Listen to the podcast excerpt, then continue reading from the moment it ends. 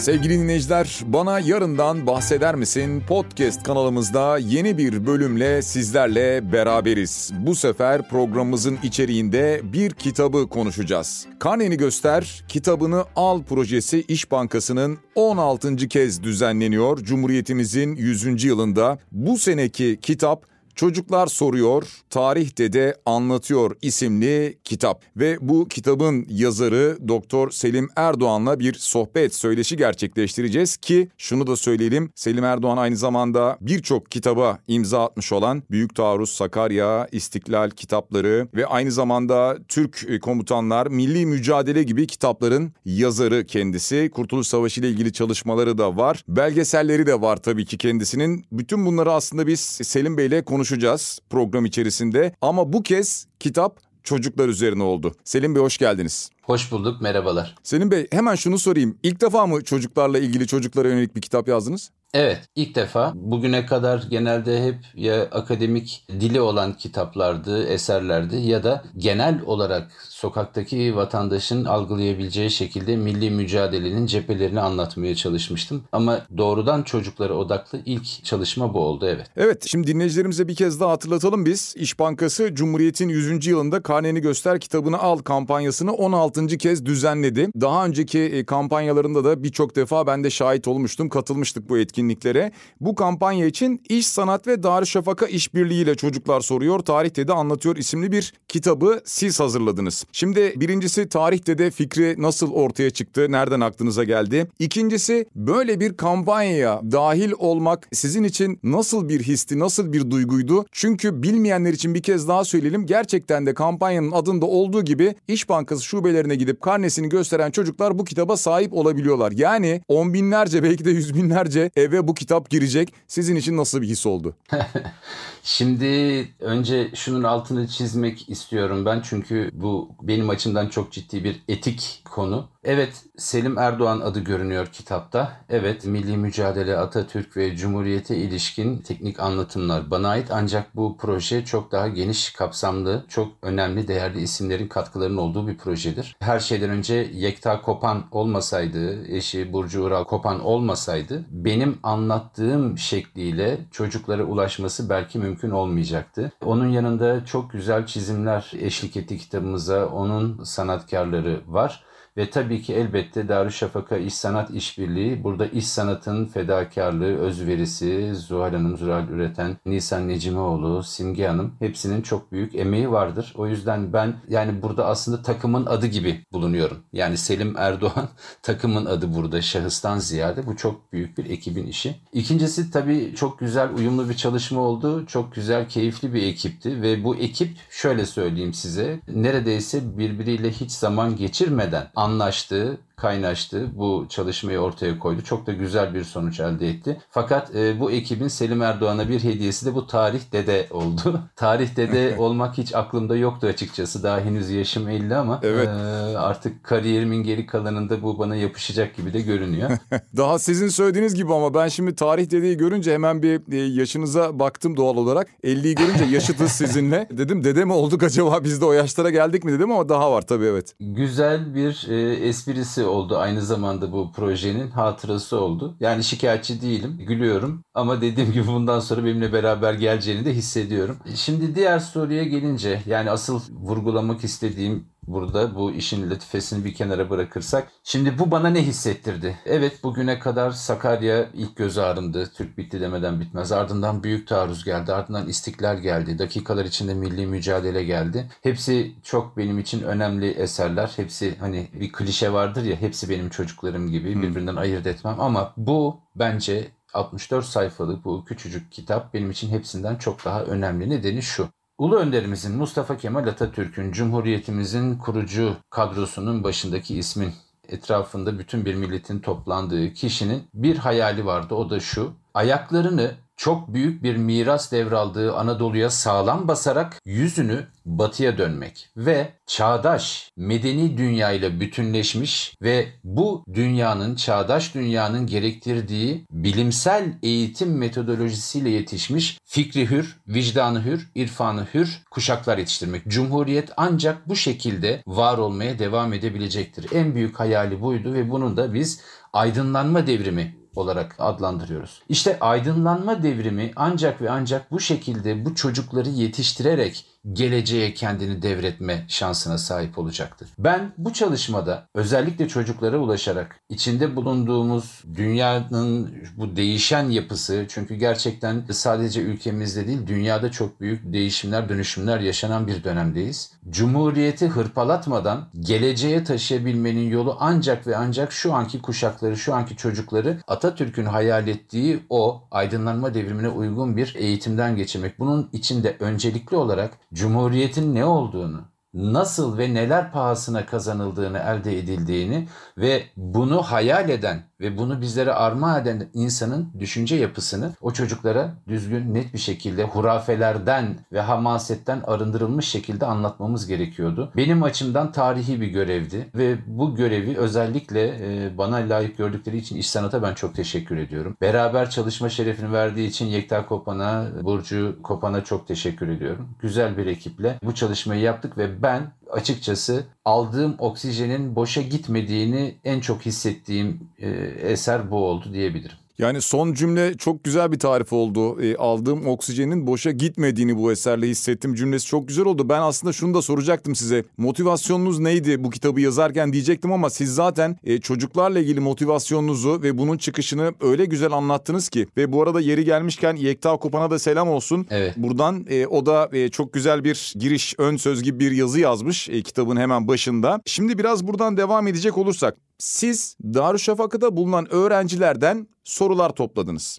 Ve bu kitap aslında bu sorulara cevapları içeriyor. Evet. Dinleyicilerimize bunu hatırlatalım öncelikle. Bu soruları toplarken tabii sadece bu kadar değildir sorular eminim çok daha fazlası vardır. Tabii. Size böyle ilginç gelen bir soru oldu mu bütün bunlar içerisinde? Şimdi aslında soruların hepsi birbirinden ilginçti. Yani şu beni çarptı diye bir tanesini ayırırsam açıkçası diğer o ilginç soruların sahiplerine haksızlık etmiş Hmm. olurum. Ee, O minik cumhuriyet çocuklarına. Hiçbirini atlamamak lazım ama 3 tane grubu diyeyim biraz daha ön plana çıkartmam mümkün. Çünkü burada ben çocukların düşünce yapısını ve kafalarındaki Atatürk imgesini biraz gördüm. Mesela onların gözünde şu soru en çarpıcı soruydu. Atatürk hiç yaralanmış mı? Hmm, evet. Burada çocuğun naifliğini ve o hala kirlenmemiş, e, bozulmamış, şefkatli, vicdanlı e, yapısını görüyorsunuz. Yani aklına gelen ilk şey hani evet Cumhuriyetimizin kurucusu, ulu önderimiz ama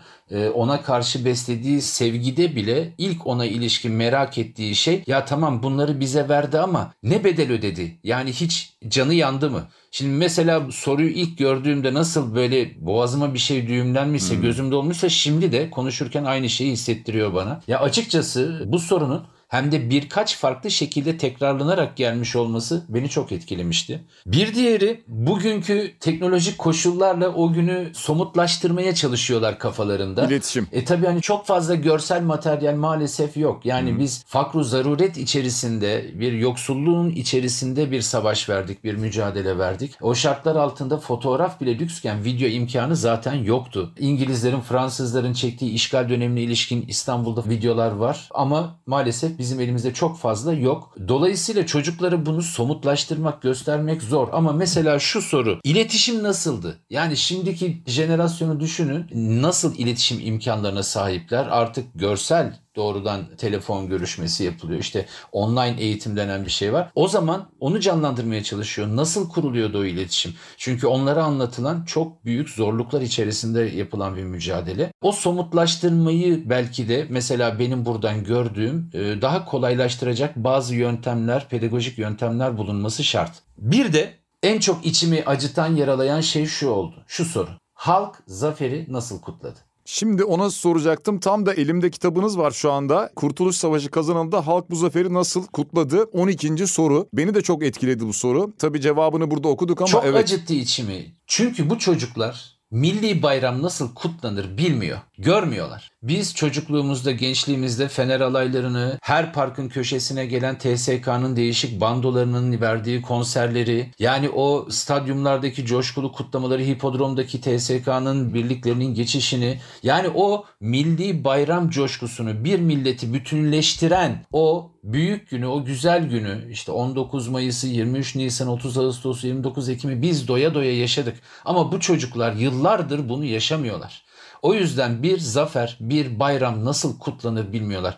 Benim o kadar içim acıttı ki bu soru ve cevabını yazarken de çok zorlandım. Çünkü onlara hiç bilmedikleri bir şey. Yani düşünün matematikte daha iki kere iki eşittir dört çarpım tablosunu görmemiş bir çocuğa siz nasıl limit türev integral anlatabilirsiniz? Doğru. Çok içimi acıtan bir şeydi. Yani bu üç grup biraz e, dikkatimi çekti. Farklı duygular yaşattı. Her biri farklı şeyler yaşattı bana. Yine biraz kitabı anlatmak adına olsun e, dinleyicilerimize şunu söyleyelim ki burada toplamda e, görebildiğim kadarıyla 29 soruya yayılmış durumda kitap. Bunlar içerisinde biraz önce konuştuğumuz sorular da var ama bunlar dışında mesela işte Atatürk'ün kaç kitap okuduğu, kendisinin hiç kitap yazıp yazmadığı sorusu da bunun içerisinde yer alıyor ki biz aslında bana yarından bahseder misinin bu sene tabii 2023 yılı olması sebebiyle Cumhuriyet'in 100. yıl özel bölümlerinde sıklıkla nutuktan da bahsediyoruz. Yani Atatürk'ün bir eserini sordukları anda biz çocuklara da gençlere de genel itibariyle zaten nutuk tavsiyesinde bulunuyoruz. Ki nutuk sadeleştirilmiş dillerde de var şu anda ulaşabilip anlayabilecekleri şekilde de var. Ama bunun dışında siz tabii diğer geometri gibi kitaplarına da burada yer vermişsiniz.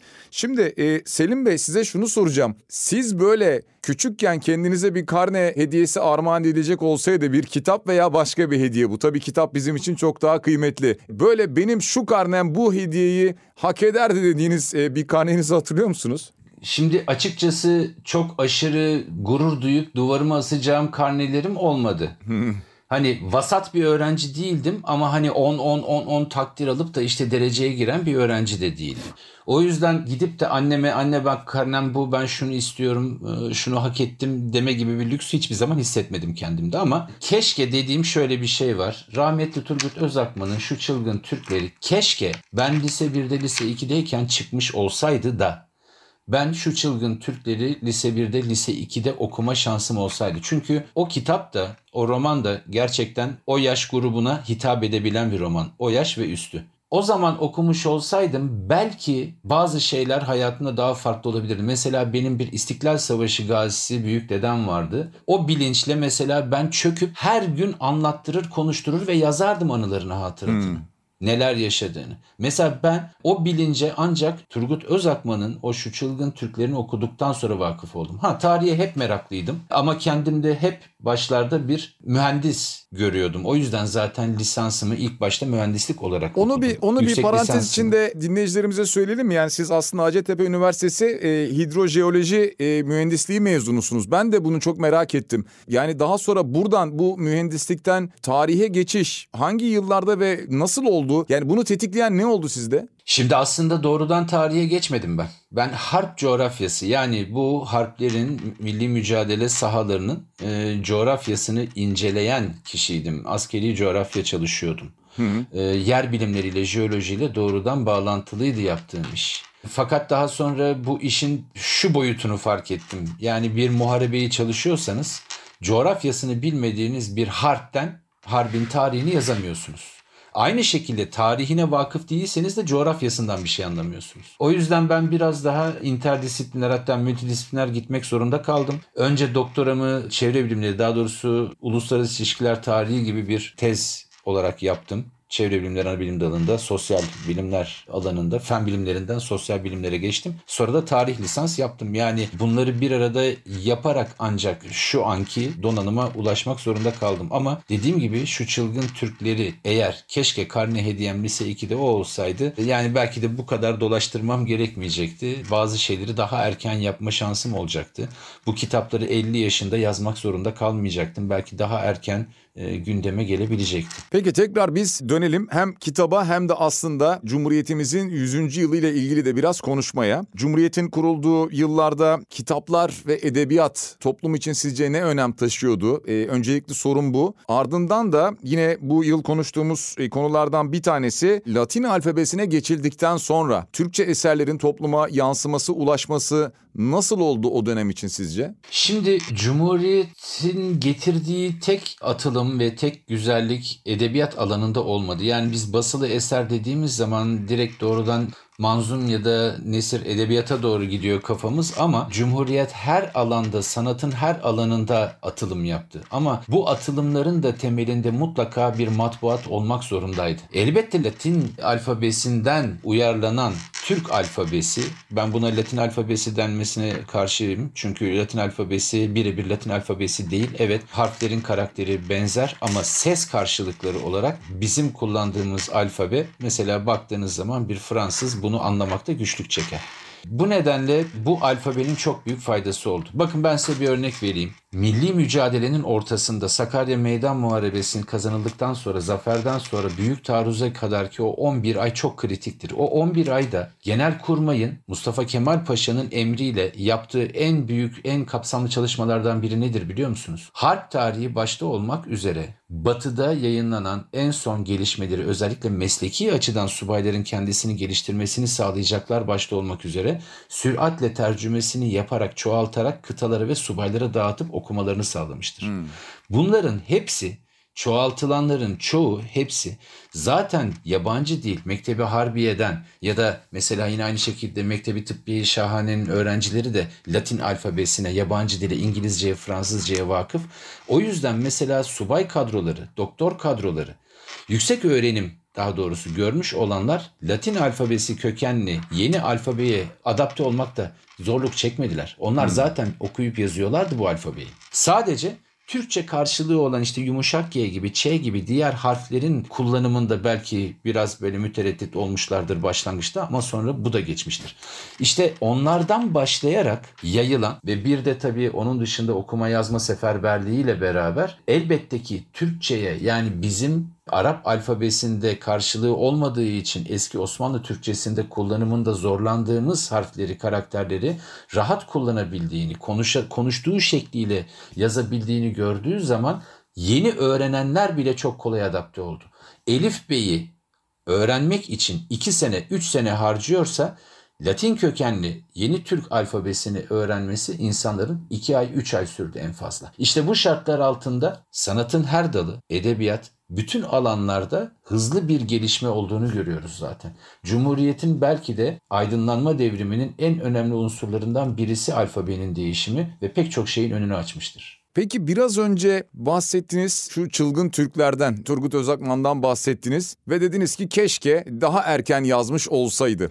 Şimdi ben bir başka keşkeyi sormak istiyorum size. Şimdi şöyle bir geriye dönüp baktığımızda, Türkiye'nin 100 yıllık tarihine dönüp baktığımızda sizin Türkiye tarihinde en değerli bulduğunuz olay neydi? Yani hangi olayı veya hangi hikayeyi bir kitap haline getirmek isterdiniz? Veya böyle bir hedefiniz var mı şu anda? Şimdi düşününce 1923 ve 19 1938 arası yani Cumhuriyet'in ilanından Cumhuriyet'in kurucusunun ebediyete yolculuğa çıktığı güne kadar ki 15 sene adeta bir balayı gibi, rüya gibi bir 15 sene. Hmm. Yani belki de düşündüğünüz zaman yakın çağın Türkler açısından tek mutlu sonla biten olayıdır denebilir. Çok güzel, keyifli yıllar ama 38 ile beraber zor yıllar tekrar başlıyor. Şimdi şunu yazmak isterdim deyince herkes tabii farklı şeylere gidebilir aklı. Ama ben şunu düşünüyorum. Yenilgiler, zorluklar, sıkıntılar, geçirilen kaotik dönemler bunları yazmak bence daha önemli.